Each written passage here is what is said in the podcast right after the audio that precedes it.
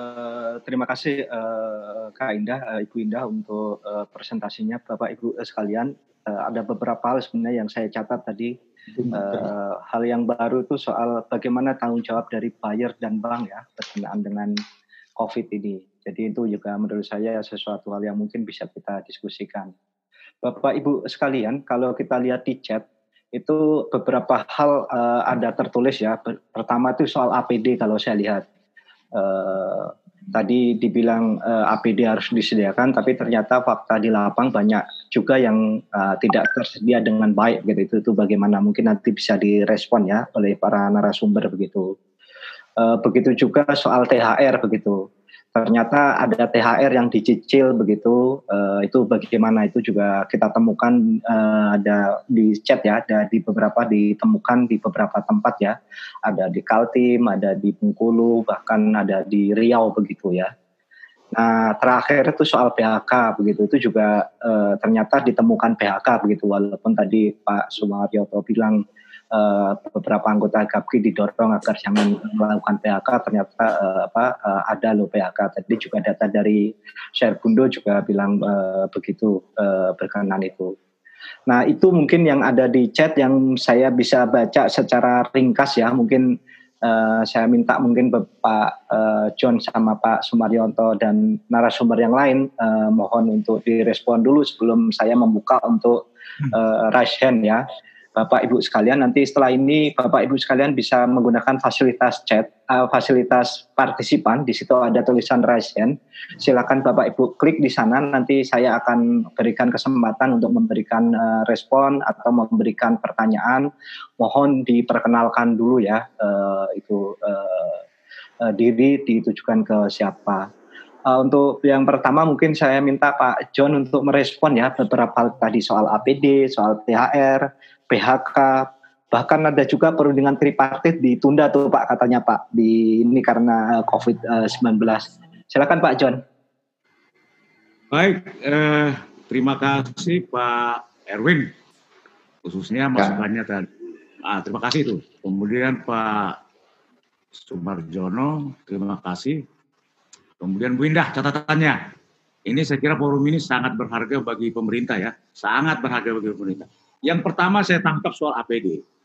Saya pikir ini Pak Sumarjono ini perlu di ini. Jadi saya pikir Pak apa Pak Erwin, saya kira kalau memang perusahaan itu harusnya setiap pengawas ketenagakerjaan wajib mencek Pak. Ini di DKI Pak, terus terang aja. Jangankan soal investasi ataupun sanit, apa sanitizer itu beroperasi aja nggak boleh kalau memang ada PSBB. Jadi saya pikir ini saya pikir koordinasi lah ya sawit world. Saya juga akan koordinasi, terutama disebutkan di sini Kalimantan sama Bengkulu sama apa. Saya pikir ini APD ini saya kira harga mati lah.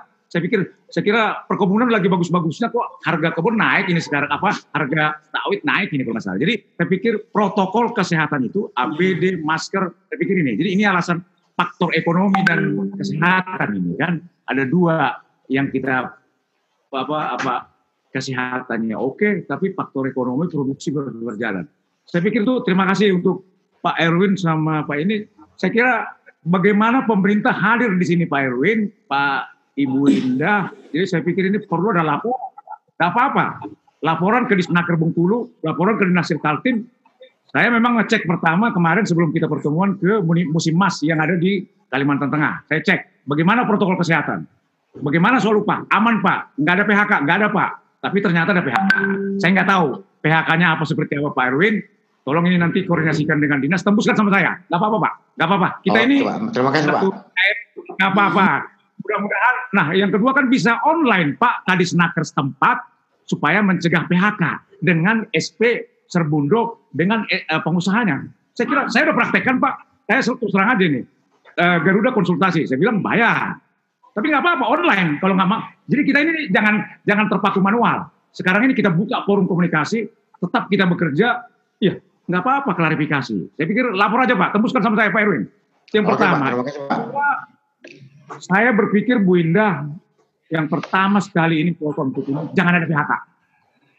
Itu itu target saya. Angka PHK naik terus. Ini kalau boleh jangan ada PHK seperti apa. Nah, ini ini ini upaya kita Saya terima kasih kalau ada keterangan Pak Sumarjono tadi nggak ada PHK bagus. Mungkin perusahaannya sehat ya mungkin. Tapi mungkin ada aja mungkin uh, kebun yang nggak sehat saya nggak tahu. Tapi kalau model Wilmar saya nggak tahu. Wilmar kan biasanya bagus Pak Erwin. Nah, dan bagus ya. Saya pikir ini perlu dicek bagus ya. Cuma Kemudian yang kedua masalah, soal tunggu dulu Pak, pelan-pelan dulu. Ada catatan catatan catatan Bu Indah tadi menarik. Saya pikir ini penting sekali. Buruh harian lepas. Ini ini ini di luar pantauan kita kadang-kadang seperti mungkin Pak Sumarjono. Pertanyaan saya ini kan bukan karyawan kebun. Ini adalah mungkin outsourcing seperti Ibu Indah bilang. Pertama, ada nggak badan hukumnya? Ini jangan pribadi. Ini, ini, ini perlu kita apa? Nah, kalau Permen 19 clear kan menjadi bagian daripada kebun itu sendiri. Kalau memang status hukumnya tidak jelas. Saya pikir ini perlu dikaji, Bu Indah. Ini buruh harian lepas di yang persoalan di mana tadi itu. Nah, saya pikir standar kesehatannya sama, protokolnya sama, masker dikasih, jadi nggak ada diskriminasi. Jangan. Jangan. Jadi saya pikir ini perlu kita kerjasama dengan isnaker setempat. Kemudian yang terkait dengan soal THR. Indah, Bu Erwin, ini jujur aja ini sebelum saya tahu ada perusahaan di Jawa Tengah segala macam, ada pesangon aja dicicil sampai 30 kali sebelum kondisi seperti ini. Tapi nggak tahu saya, tetapi THR ini, uh, surat edaran ini tujuan adalah pertama bayar THR Pak sesuai aturan. Wajib bayar, ya. Bayar itu. Kalau nggak mampu ngomong sama Pak Erwin. Iya dong. sama Sumarjo, Pak Sumarjo juga. Saya nggak mampu. Itu Pak Erwin kalau bahasa Batak itu ada ini. Dang mardida di mata, mardida di roha. Jadi nampak di mata. Nampak gitu loh. Jadi ini perlu satu ilmu dari teman-teman. Apa benar perusahaan ini nggak mampu bayar THR? Kalau perusahaannya besar, ini Saya pikir perlu ini uh, kalau perlu Pak, ini saya tuh poin langsung orangnya, langsung difasilitasi di snaker, nggak apa-apa kok, saya fasilitasi banyak ini kok, perusahaan-perusahaan yang datang konsultasi, ini gimana, bagaimana Pak, saya panggil SP-nya, jangan bawa SP-nya, jangan hanya hanya direksinya aja, akhirnya mereka datang berdua. Nah, begitu Pak, jadi kita harus seperti yang disampaikan oleh tadi Pak Pak apa tadi Pak Sumarjono, bipartit, bipartit. Kalau bipartitnya nggak jalan, berarti ada pihak ketiga yang mendorong supaya mereka mau duduk bersama membicarakan itu ini situasinya beda. Kalau normal saya pikir kita nggak ini. Jadi saya pikir pemerintah juga nggak menganjurkan dicicil, tapi bayar THR. Bayar Pak. Sesuai dengan PPD 78 sama problem. Tapi kalau nggak mampu, ya bicara dengan Pak di perkebunan Serbundo, ada SP Bun. Saya udah ngomong kemarin sama PTP 6 juga, bagaimana soal THR, bagaimana soal upah. Gak ada masalah Pak. Nah, ternyata di nakes tempat, Pak Kadisnya, Pak Bahari, dia langsung ketemu sama jadi saya pikir saya mohon Bu Indah mungkin ini ada mungkin ya supaya ketentuan ini berlaku jangan apa. Saya pikir kehadiran pemerintah di daerah perlu Pak. Saya yakin itu perlu Pak Erwinnya supaya uh, mendorong para pihak uh, menempuh di partai ataupun mencapai ini. Saya pikir untuk sementara secara umum itu yang bisa sampaikan uh, catatan saya Pak Ibu sekalian. Saya kira itu. Terima kasih. Terima kasih Pak John. Uh, silakan Pak Sumaryoto uh, ada beberapa tadi uh, anu Pak uh, berkenaan dengan mungkin APD, THR, BHK dan mungkin soal perundingan tripartit yang agak tertunda. Mungkin direspon sebentar Pak sebelum kita menuju ke Rasien. Terima kasih Bang Rambo. Uh, Pak Bang Herwin sama Ibu Indah terima kasih. Uh, pertama saya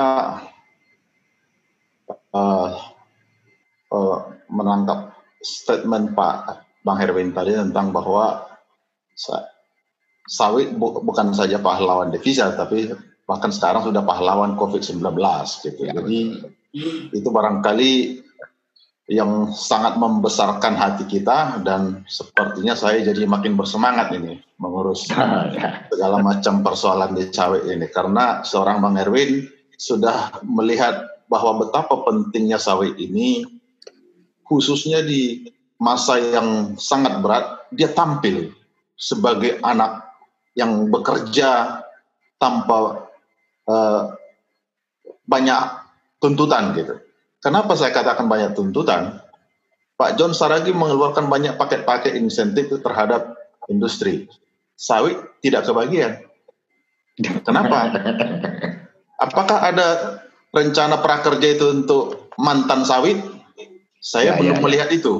Nah, jadi oleh karena itu apa yang sudah dikerjakan oleh industri sawit yang kita kerjakan sama-sama ini ini adalah sebuah kebanggaan kita tadi sebut istilah pahlawan oleh karena itu harus kita jaga itu yang pertama yang kedua uh, Pak John Saragi benang merah dari semua diskusi poinnya Ibu Indah sama Pak Bang Herwin itu adalah pengawasan dari Bapak Makanya saya mendorong ada tripartit itu di tingkat semua tingkatan nasional di daerah karena sawit itu ada di daerah. Saya ini hanya seseorang yang di ujung Jakarta yang mencoba mengcover semua sawit di Indonesia itu adalah mimpi siang bolong. Oleh karena itu harus kita turunkan ke berbagai level di daerah. Pengawasan salah satu yang menjadi isu ataupun defisit bahasanya ILO dari studi mereka tahun 2015 itu yang ada di kelapa sawit. Ada enam. Dialog sosial, pekerja anak, gender, K3, pengupahan, pengawasan. Ah, itu hal-hal yang memang sampai hari ini masih pekerjaan rumah kita bersama. Oleh karena itu akan sangat banyak hal yang bisa diselesaikan kalau pengawasan itu juga dijalankan sebagaimana diamanatkan oleh peraturan, undang-undang, dan segala macam ketentuan yang ada.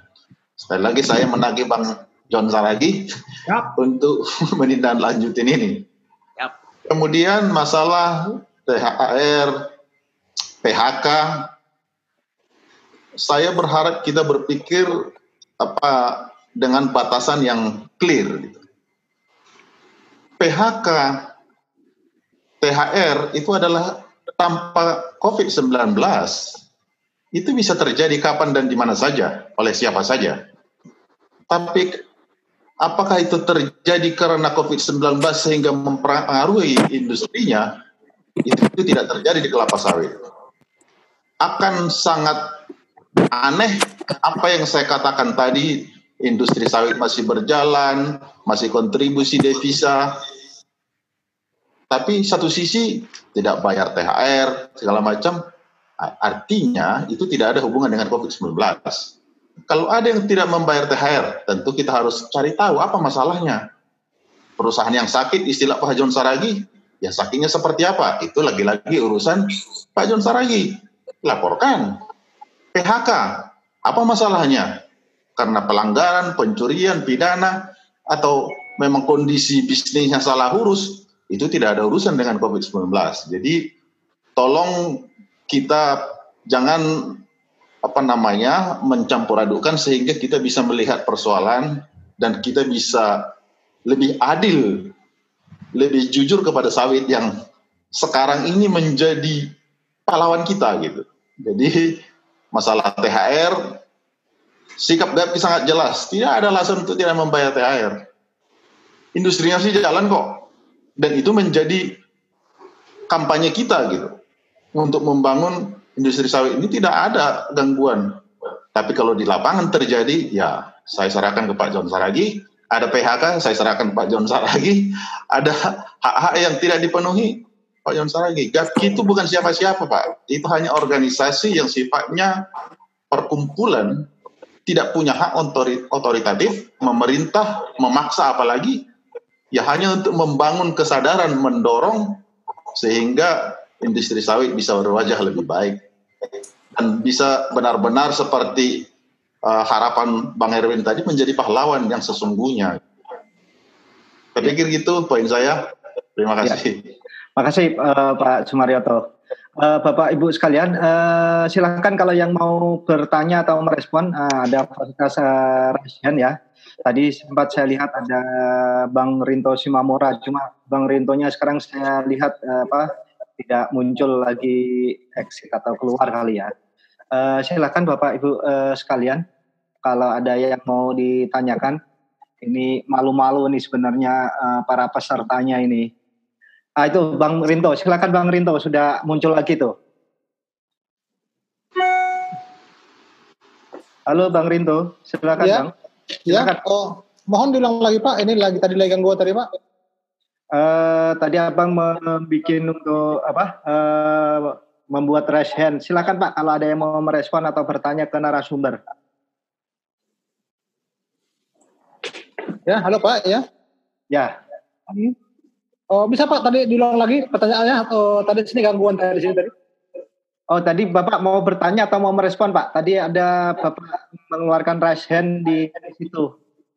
Oh, iya uh, ya ini uh, sedikit saya mau uh, merespon dan juga menyampaikan uh, bahwa situasi dan kondisi saat ini di PT Lonsum khususnya di Kabupaten Musirawas Utara uh, saat ini perusahaan PT Lonsum di saat COVID uh, sedang berjalan ini telah melakukan PHK besar-besaran. Artinya uh, tanpa kesalahan mereka telah melakukan PHK bahkan sekarang ini uh, perusahaan PT, Lon, PT Lonsum khususnya di Musirawas Utara uh, saat ini telah men, uh, sedang mencari mencari kesalahan uh, para pekerja buruh untuk dilakukan PHK seperti itu Pak. Kalau boleh sudah ada datanya Bang, berapa yang di PHK begitu Bang? Uh, sekarang ini datanya uh, untuk uh, Lonsum di Musirawas Utara yang kita pegang sudah mencapai 450 orang lebih 450 50 lebih ya. 450 orang lebih uh, uang pesangon sampai sekarang belum dikeluarkan oleh uh, perusahaan seperti itu. Bahkan permasalahan itu sudah sampai ke dinas tenaga kerja, bahkan sudah di, uh, sudah ada anjuran dari mediator agar membayar uh, hak daripada pekerja buruh. Namun perusahaan uh, tetap tidak mau melakukan pembayaran hak tersebut seperti itu, Pak. Abang kalau boleh, abang di serikat atau di apa, Bang? Saya uh, ketua DPC. Surah DPC serikat di sana bang ya? Iya, Serbundo ya. Oke. Okay. Ini Bang Mas Don ya, anggota nih Bang. uh, sesuai saran dari Pak John nanti dilaporin katanya begitu Pak John ya? Nanti kita bicara sama Erwin kalau ini. Oke, okay. uh, okay, makasih Pak, makasih Pak, makasih, makasih. Oke okay, Pak uh, Rinto ya, sila, uh, ini ada yang lain silakan teman-teman kalau ada yang lain. Mas cukup Pak Rinto. Sementara cukup Pak, cukup. Makasih Pak. Cukup. Uh, silakan. Bang Erwin mau tambahkan? Bang Mas Ya, uh, jadi uh, saya sepakat uh, semangat bahwa industri perkebunan sawit itu menjadi uh, pahlawan, uh, baik itu dalam uh, negara maupun dalam COVID-19 ini. Uh, persoalannya ironi saya melihat uh, situasi ini uh, dengan situasi beberapa fakta yang ada itu bisa uh, mencoreng uh, uh, nama industri perkebunan sawit itu sendiri. Uh, padahal sudah uh, industri sawit begitu uh, berjuang uh, bisa tetap berjalan, buruh tetap bekerja, ekspor berjalan dan banyak keuntungan yang didapatkan. Sesuatunya yang bisa uh, bertahan dalam COVID-19, tetapi tercoreng dengan perbuatan-perbuatan uh, segelintir perusahaan yang melakukan tindakan-tindakan yang oh, melanggar ketentuan hukum. Uh, ini juga akan dilihat oleh uh, publik internasional. Uh, situasi ini itu akan merugikan industri perkebunan sawit. Uh, jadi memang penting hal ini bisa diselesaikan dengan cepat. Jadi uh, peran pemerintah uh, memang sangat penting. Walaupun saya tahu bahwa di daerah-daerah itu telah ada perundingan, telah dianjurkan supaya uh, perusahaan uh, memberikan hak buruh. Tetapi memang ada uh, sesuatu yang terjadi bahwa pihak manajemen itu tidak memberikan hak buruh tersebut. Uh, seandainya ada uh, mekanisme yang cepat penyelesaiannya, apalagi dalam situasi COVID-19 darurat seperti ini, itu tidak akan bisa menjadi isu. Jadi uh, penting bagi uh, pihak perusahaan memahami ini, uh, jangan sampai uh, nama baik uh, industri perkebunan sawit itu tercoreng akibat persoalan-persoalan kecil seperti ini. Jadi saya berharap memang uh, pihak manajemen mengatakan alasan efisiensi. Kalau efisiensi kita tahu mekanisme hukum seperti apa. Tidak uh, begitu saja langsung efisiensi. Uh, kalau uh, argumentasi yang seperti itu, itu kan bukan kesalahan dari buruh. Itu kesalahan dari manajemen. Bahkan uh, setelah di, ada PHK malah direkrut yang baru. Tetapi yang baru ini menjadi statusnya BHL yang di PHK ada BHL yang cukup lama uh, dan juga ada yang SKU. Itu kan akan uh, mengurangi kos ketika ada yang baru yang baru. Nah, jadi pola-pola yang seperti ini, cara-cara uh, yang seperti ini, itu kita anggap cara-cara yang cukup uh, tidak baik gitu. Pola manajemen seperti ini. Bagaimana memperbaiki itu? Jangan sampai mencoreng nama baik industri perkebunan sawit. Uh, kemudian juga mengenai APD, APK. Uh, barangkali uh, di tingkat manajemen pusat, katakan di Jakarta, itu ada protokol yang memang harus implementasi di bawah. Bisa begitu. Tiba-tiba di bawah itu tidak terjadi. Uh, memang betul. Ini butuh kita memang uh, Pak uh, Subartono juga dari KPI, walaupun kita jauh di Jakarta sana, kita, uh, penting juga untuk melakukan karena masih ada namanya uh, GAPTI di daerah-daerah. Bagaimana monitoring itu? Uh, uh, meyakinkan itu protokol itu bisa berjalan dengan baik. Serbundo bisa kerjasama. Kita siap kerjasama dengan GAPTI juga di daerah-daerah uh, secara bersama untuk bagaimana protokol itu bisa berjalan dengan efektif. Memang dengan adanya protokol itu sudah baik. Uh, saya uh, sangat apresiasi terhadap itu. Tetapi bagaimana implementasinya? Uh, implementasi ini jadi problem gitu. Uh, itu yang penting uh, dilaksanakan ke depan. Satu sisi kita sudah bekerja keras, pemerintah bekerja keras, ada protokol pemerintah, ada protokolnya GAPI, tetapi implementasi lapangan itu tidak berjalan gitu.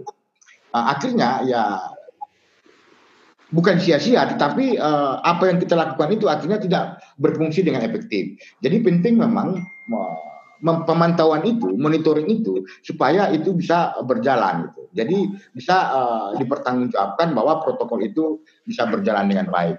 Itu uh, kalau saya melihat bahwa Ibu Indah mengatakan memang uh, ini kesempatan berharga bagi saya juga dengan uh, Pak John dari Kementerian dan juga Pak Sumarjono bahwa di, uh, ada memang semacam klaster uh, di yang bekerja di buruh perkebunan sawit.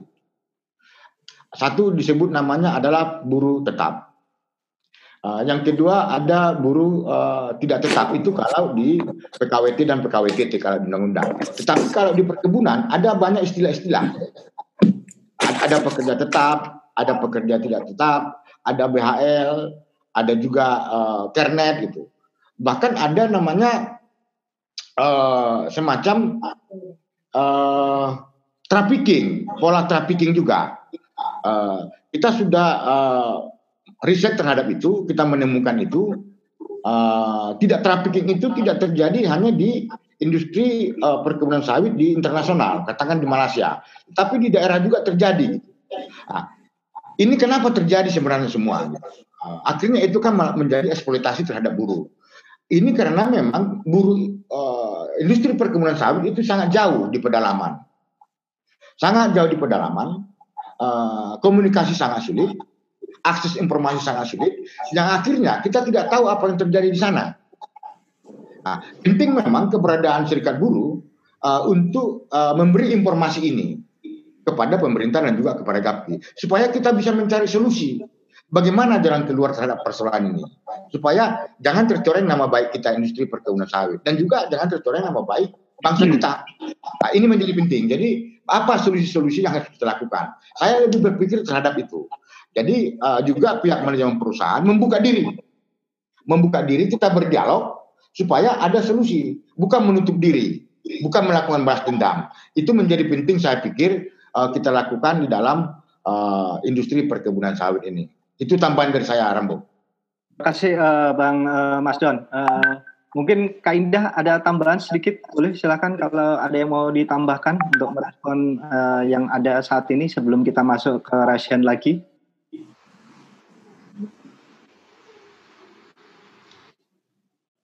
Halo Bu Indah. Ya. Halo. Ya, ya, silakan. Jadi uh, apa memang kalau melihat uh, tadi ya standar standar-standar yang di uh, di aturan yang dikeluarkan oleh pemerintah, kemudian ada juga tadi GAPKI dari GAPKI juga di mana uh, sudah katanya menerapkan ya menerapkan standar-standar yang sudah di, sesuai dengan aturan uh, dan fakta lapangan uh, yang kita temukan itu tidak berjalan dengan baik. Memang uh, di sini kita lagi-lagi melihat bahwa uh, pengawasan yang lemah. Ada pengawasan lemah. Nah, yang um, ke depan ini juga mungkin bukan hanya apa, bukan hanya di masa COVID ini.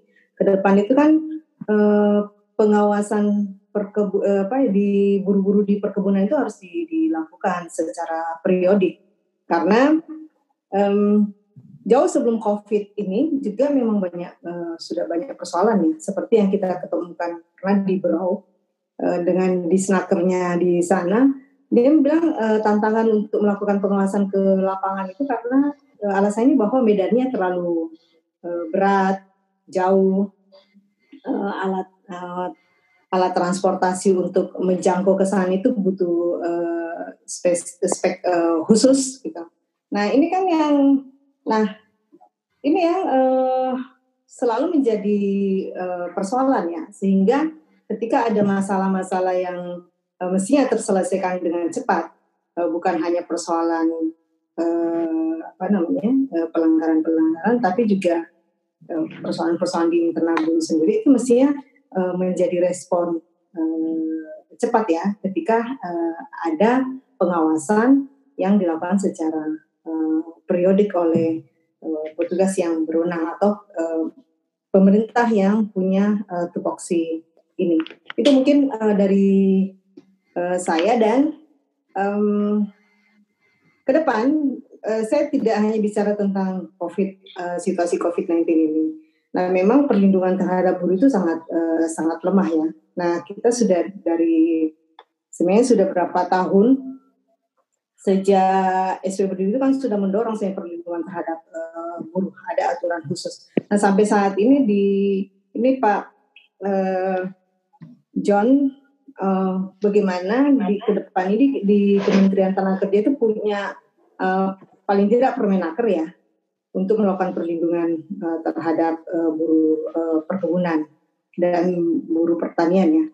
Ini yang selalu uh, apa sampai saat ini itu belum ada dan walaupun ada rancangan undang-undang yang sudah masuk di prolegnas yang long list ini nah kita belum tahu seperti apa nantinya nah saya pikir eh, Kemenaker yang punya eh, ini besar sebenarnya untuk segera mengeluarkan Permenaker ini peraturan Menteri Tenaga Kerja untuk perlindungan terhadap buruh. Dari Pak Pak John, uh, kita tuh uh, tahun 2016 sebenarnya sudah memasukkan naskah akademik dan uh, policy brief ya uh, dari Sawit Watch yang kita lakukan uh, berdasarkan dari kajian dan uh, penelitian Sawit Watch bersama teman-teman uh, dan Serbundo juga karena Serbundo itu kan uh, Sawit itu adalah board dari Serbundo.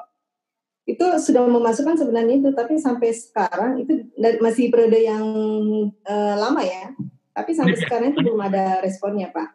Ini mungkin uh, apa menjadi uh, apa ya bagaimana Pak John ini bisa mendorong di internal uh, Kemenaker itu bisa ada um, kebijakan ini bisa dikeluarkan itu uh, dari saya. Ya terima kasih uh, Ibu Indah. Bapak Ibu sekalian, kalau kita lihat di chat itu lagi ada berbalasan tuh soal kondisi di ANJ ya. Mungkin uh, akan lebih bagus memang uh, bisa diajak uh, Pemda atau pemerintah di daerahnya atau mungkin Pak John juga bisa di CC kan biar uh, beberapa di apa di PT ANJ itu bisa diselesaikan. Itu juga Pak Sumaryono ada itu Bapak dimension itu Pak berkenan dengan ada uh, uh, pekerja ya atau buruh ya di Lonsum Asahan katanya dia di apa di PHK terus sudah uh, ke Disnaker di, uh, di, dianjurkan untuk dipekerjakan kembali tapi uh, buruh tapi perusahaannya menolak begitu. Nah, Bapak Ibu sekalian, saya masih menunggu uh, kalau ada yang meraisen uh, kalau tidak ada saya mungkin ke Pak Sumaryoto karena ada yang di di mention Pak. Silakan Pak Sumaryoto kalau ada yang mau ditambahkan atau direspon Pak beberapa hal. Uh, terima kasih Bang Rambo. Barangkali saya uh, tidak akan merespon secara spesifik kasus per kasus, tentu ya, karena ya. saya juga nggak tahu ceritanya. Siapa? Tapi itulah yang saya apa hadapi selama ini ketika muncul kasus ya di ujung gitu. Karena kenapa itu sampai terjadi? Karena tidak ada apa namanya wadah yang menampung ini. Ya kalau kita bicara ideal, tentu kasus ini kan nggak perlu kita bahas di forum yang seharusnya kita bicara strategis kan. Karena ini seharusnya selesai di forum bipartit atau tripartit di kabupaten, di provinsi, atau di perusahaan itu sendiri kalau itu berjalan. Artinya ini satu bukti bahwa kita masih punya pekerjaan rumah yang sangat besar membangun dialog yang tadi kita hampir semua sepakat untuk menyelesaikan persoalan-persoalan yang tanpa atau dengan COVID pasti akan selalu ada. Ya, jangankan dalam hubungan industrial, hukum negara saja belum tentu jalan dengan segala macam perangkat yang dimiliki oleh negara gitu. Nah, apalagi dengan industri sawit yang ada di remote area dengan segala macam kendala batasan komunikasi dengan segala macam dinamika secara hubungan industrial tentu saya bisa memaklumi dan memahami bahwa akan ada temuan-temuan fakta lapangan istilah Bang Herwin sama Ibu Indah tadi, ya itu pasti akan ada. Oleh karena itu, bagaimana itu supaya tidak berlanjut ke forum yang seharusnya tidak perlu di forum itu dibahas seperti forum kita hari ini. Harusnya itu selesai di forum di mana forum itu memang dilembagakan. Oleh karena itu sekali lagi fungsi pengawasan penting, peraturan apa pun harus dipantau, dimonitor, dievaluasi dan mekanisme itu harus terlembaga dengan alat ukur waktu hasil akhir atau output. Nah, itulah yang harus kita bangun dalam industri sawit supaya wajah sawit ini tidak berputar-putar seperti yang kita alami selalu. Harus ada kemajuan demi kemajuan dan wajah sawit akan lebih bagus. Seperti Bang Merwin tadi katakan, tercoreng hanya karena sebuah kasus yang tidak tertangani dengan cara yang tepat. Itu tugas kita, tugas Bang Erwin, tugas Bu Indah, tugas Bang John Saragi, dan tugas saya, walaupun GAPKI itu hanya sebagai lembaga forum asosiasi saja. Saya pikir itu poin saya, Bang Rambo. Terima kasih. Oh, terima kasih uh, Pak Sumaryoto. Bapak Ibu sekalian, uh, saya masih menunggu kalau ada yang melakukan resen, karena kalau tidak kita akan masuk ke posisi ke close statement ya, uh, Bapak Ibu sekalian. Kalau tidak ada, uh, mungkin Pak John, uh, boleh Pak John untuk mempersingkat waktu. Sekarang sudah jam 11.56. Uh, close statement ya Pak John. Kita, Mas, halo ya. Ambo. Ya, Mas siap. Ambo mohon izin. Saya, Ya. izin saya mau bicara sedikit. Boleh, boleh Bang Ya. Roland. Uh, saya tidak melihat uh, resennya. Mohon maaf. Silakan Bang Roland uh, diperkenalkan dulu terus ditujukan ke siapa.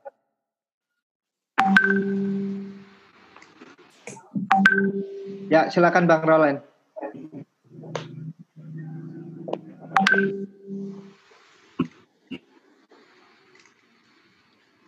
Mohon admin untuk membuka saluran bagi Bang Loren.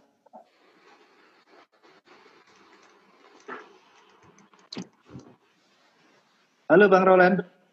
Silakan.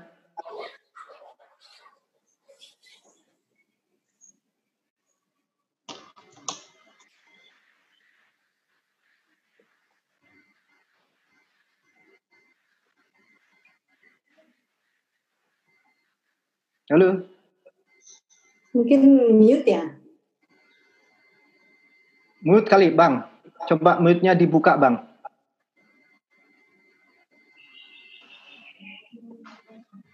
Sudah itu sudah dibuka sebenarnya. Halo?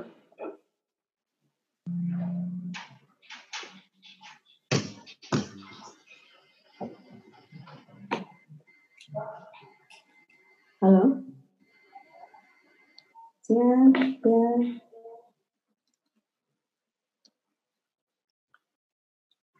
Kalau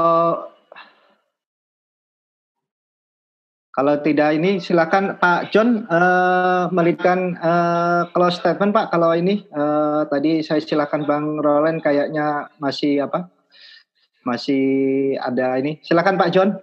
Baik, eh, terima kasih kepada ya Pak Erwin, sahabat saya, Pak Sumarjono lagi, saudara saya, dan seluruh hadirin yang berbahagia, teman-teman serikat pekerja, jurnalis, dan peserta. Yang pertama, Bapak Ibu sekalian, eh, pertemuan hari ini sangat banyak membawa apa, membawa bagi kita. Ada beberapa catatan yang penting bagi saya. Saya kira, saya kira indah. Sering aja kita bertemu seperti ini, nggak apa-apa kok, bagus banget. Yang pertama catatan dari Bu Indah itu nanti naskah akademik yang itu coba kirimkan kembali Bu supaya bisa saya tindak lanjuti nanti saya sampaikan kepada Biro Hukum Kementerian Ketenagakerjaan. Itu satu Bu catatannya. Yang kedua sepakat kita pengawas ketenagakerjaan apa pun yang kita bicarakan di sini kalau pemerintah tidak hadir sulit ini terlaksana. Tapi yang penting forum ini saya kira perlu seperti yang disampaikan oleh Pak Sumarjono apa strateginya saya sama Pak Erwin sering koordinasi nih. Hambatannya banyak Pak Erwin ya. Nah, tetapi bagi saya mungkin di Indonesia ini perlu ada strategi. Nah, salah satu usulan yang bagus dari Pak Sumarjono tadi, tripartit nasional ada, tripartit provinsi ada, tripartit daerah itu apa perannya? Saya pikir itu perlu uh, Sawit Works, Serbundo, dorong Pak ini. Jadi kalau di, di tripartit itu kan ada SP-nya, ada pengusahanya, ada pemerintahnya, sehingga nggak ada alasan, ada dasar hukum untuk melakukan ini. Saya pikir yang kedua, ke pengawas sama mediator. Saya harap teman-teman serikat pekerja yang ada di sini, sekarang ini nggak bisa ditutup-tutupi Bapak Ibu sekalian, viral. Masalah yang terjadi di di mana nanti Muarabu di Morowali bisa viral Pak. Jadi kita nggak jangan lagi, tapi yang penting saya lihat di sini kelemahannya adalah perlu ada koordinasi Pak. Yakin Bapak, langkah aja koordinasi. Kalau enggak, Bapak berkoordinasi dengan di sana mana, hubungi saya. Enggak apa-apa kok. Nah, jadi perlu ada koordinasi kepada, uh, saya yakin dengan strategi ada komunikasi yang baik, koordinasi yang baik antara pengusaha, serikat pekerja, apalagi ada GAPKI, ada Serbundo, saya kira perlu kita apalah kalau dikomunikasikan dengan baik saya pikir itu nggak muncul perselisihan kemudian terkait dengan yang tadi yang Pak Rinto Simamora saya lihat ini udah keluaran juran Berarti 30 hari menunggu hari 60 hari ke depan. Nanti Pak Erwin kita akan bicarakan seperti apa karena ini sudah posisinya di tahap anjuran. Nah, seperti apa nanti kita bisa koordinasi Pak Erwin. Baik, saya pikir statement saya ya jaga kesehatan, protokol kesehatan di di perusahaan harga mati, saya pikir itu yang pertama. Kemudian langkah PHK itu langkah terakhir Bapak Ibu sekalian. Lakukan penghematan, lakukan efisiensi dulu, uh, kurangi upah direksi, jajaran komisaris, manajemen dalam rangka masih situasi ini, saya kira itu kurangi. Baru kemudian lakukan pembenahan-pembenahan, baru kalau memang sudah ini, saya kira pekerja juga ini kok di sini perlu keterbukaan hati. Ini udah nggak normal, ini masalah hati di sini. Jadi saya kira perlu kita apa uh, berdoa lah supaya badai ini tetap bisa berlalu. Saya kira itu Pak Moderator Pak Surambo. Sekian terima kasih. Lebih kurang mohon dimaafkan dan lebih kurang mohon diundang lagi. Wassalamualaikum warahmatullahi wabarakatuh. Waalaikumsalam warahmatullahi wabarakatuh. Terima kasih Bang John. Ini ada uh, Bang Loren sebenarnya pengen menyampaikan ini saya tidak tahu apakah ada kendala atau bagaimana. Uh, WA aja WA, boleh WA, WA aja nanti nggak apa-apa. WA, WA. Uh. Sama. Masih mute sebenarnya si Lorennya itu. Kayaknya masih mute ya, nah, masih mute itu. Iya, iya. Iya. Halo Bang Loren, bisa?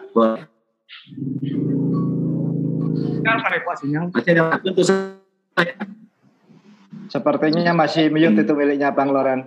Tapi ya. kita mas Halo? Kau tinggi Islamiknya itu. Ya Bang Gustaf, kayaknya masih mute. Kita masuk ke ini ya. aja sudah uh, yang lain dulu mungkin tadi disampaikan oleh Pak John bisa lewat chat ini juga tapi juga bisa lewat WA nanti bisa disampaikan begitu. Uh, silakan Pak Sumaryoto, close time Pak Sumaryoto. Marjono. Sumarjono. Pak, Sumarjono, maaf ya. Sumarjono silakan. Waduh apa? Terima kasih Bang Kali. Nggak panjang-panjang. Pertama, saya sudah 30 tahun cari makan di kelapa sawit. Jadi ampuni saya kalau saya terlanjur mencintai lebih dalam kelapa sawit. Dulu saya eh, diajarkan ketika saya menangani apa namanya uh, petani masyarakat, saya diajarkan karena dengan dialog dengan masyarakat 50% masalah selesai dengan kita mau berdialog. Hubungan industrial salah satu instrumennya adalah dialog sosial. Oleh karena itu, mari berdialog karena dialog itulah yang membuat kita menikah dan dialog itu pula yang membuat kita bercerai. Masalah sawit Indonesia 50% masalahnya akan selesai dari sisi perburuhan kalau kita berdialog. Mari berdialog sosial yang sehat, yang tulus demi sawit adalah kita. Terima kasih. Terima kasih Pak Sumaryoto. Uh, sawit adalah kita 30 tahun Pak ya mengabdi di sawit Pak ya. Uh, silakan Bang Erwin uh, Nastion. Ya, uh, terima kasih kepada John uh, dan juga Pak Sumarjono, uh, Ibu Indah dan moderator uh, Pak Rambo. Uh, situasi uh, COVID-19 ini uh, bisa bagian dari refleksi kita bersama melihat uh, persoalan industri uh, perkebunan sawit. Bahwa satu-satunya uh, yang bertahan di dalam COVID-19 ini adalah uh, industri sawit. Uh, tentu ini bisa menjadi uh, prioritas kita bersama, tetapi uh, jangan melupakan uh, bahwa di dalam industri sawit ini ada stakeholder utama yaitu buruh perkebunan sawit.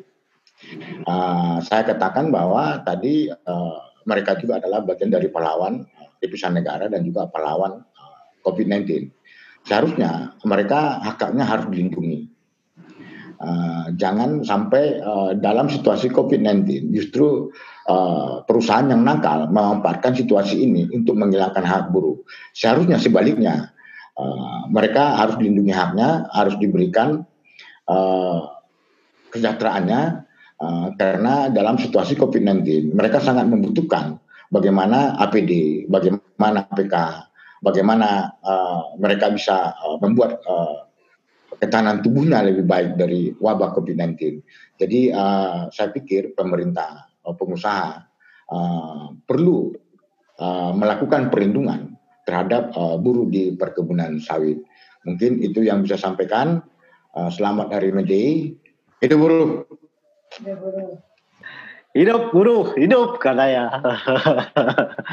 Silakan Kak Ida. Uh, minta untuk uh, memberikan uh, close statementnya. Silakan. Ya, um, sawit bersih, sawit berkelanjutan, sawit tangguh yang berulang-ulang tadi disebutkan Pak Sunarjono uh, menjadi bangsa dengan produk minyak sawit uh, Indonesia yang membanggakan harus dibarengi dengan uh, praktik yang bertanggung jawab uh, terhadap perlindungan uh, keselamatan dan kesejahteraan buruh. Jadi tanpa perlindungan uh, keselamatan dan kesejahteraan buruh, kita tidak bisa menjadi bangga uh, terhadap produk uh, minyak sawit kita karena masih menyisakan uh, persoalan buruh yang uh, hitam di industri ini. Terima kasih moderator. Terima kasih uh, Ibu Indah, terima kasih kawan-kawan semuanya, Bapak Ibu sekalian. Mohon maaf ke Bang Loren ya Ari Tonang, saya tidak bisa memfasilitasi Abang untuk uh, apa uh, memberikan beberapa hal karena memang tadi sudah kita buka mungkin ada kendala teknis. Bapak Ibu sekalian, uh, kita tutup uh, apa acara ini. Saya terima kasih kepada narasumber uh, ini ada Pak John, ada Pak Erwin, ada uh, Pak Sumaryoto, terus uh, Bu Indah. Terima kasih atas uh, waktu dan tempatnya. Terima kasih juga atas kawan-kawan. Kita ketemu lagi di sesi tandan sawit interaktif uh, berikutnya ya. Untuk